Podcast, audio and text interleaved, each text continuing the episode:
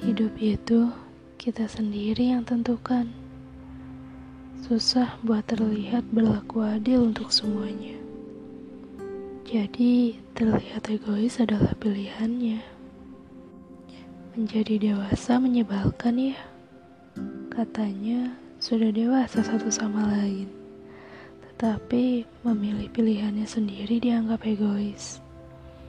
Katanya sudah dewasa, tetapi berbicara seenaknya seperti dirinya tak punya hati. Katanya jika sudah dewasa bebas. Mengapa tuntutannya semakin bertambah? Katanya menjadi dewasa adalah yang dicita-citakan sejak kecil. Tapi mengapa setelah menjadi dewasa kita ingin menjadi anak kecil kembali?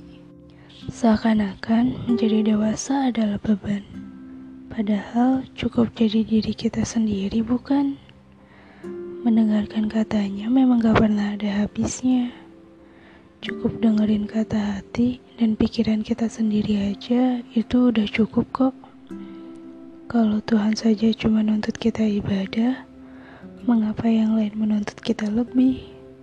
Sebenarnya, kita itu hambanya siapa sih? Kalau kita saja tidak berharap apa-apa, mengapa yang lain berharap kita lebih? Sebenarnya, yang patut diharapkan itu kita atau Tuhan. Berusaha saja nggak cukup ya untuk kita hidup. Padahal Tuhan menjanjikan kita lebih jika kita bersyukur. Jadi diri kita sendiri dengan mendengarkan isi hati dan pikiran kita sendiri ya. Jangan lupa bahagia ya. Karena terlihat baik-baik aja itu gak cukup. Karena untuk apa hidup jika yang dirasa tidak mengenakan? Terima kasih sudah berjuang hari ini.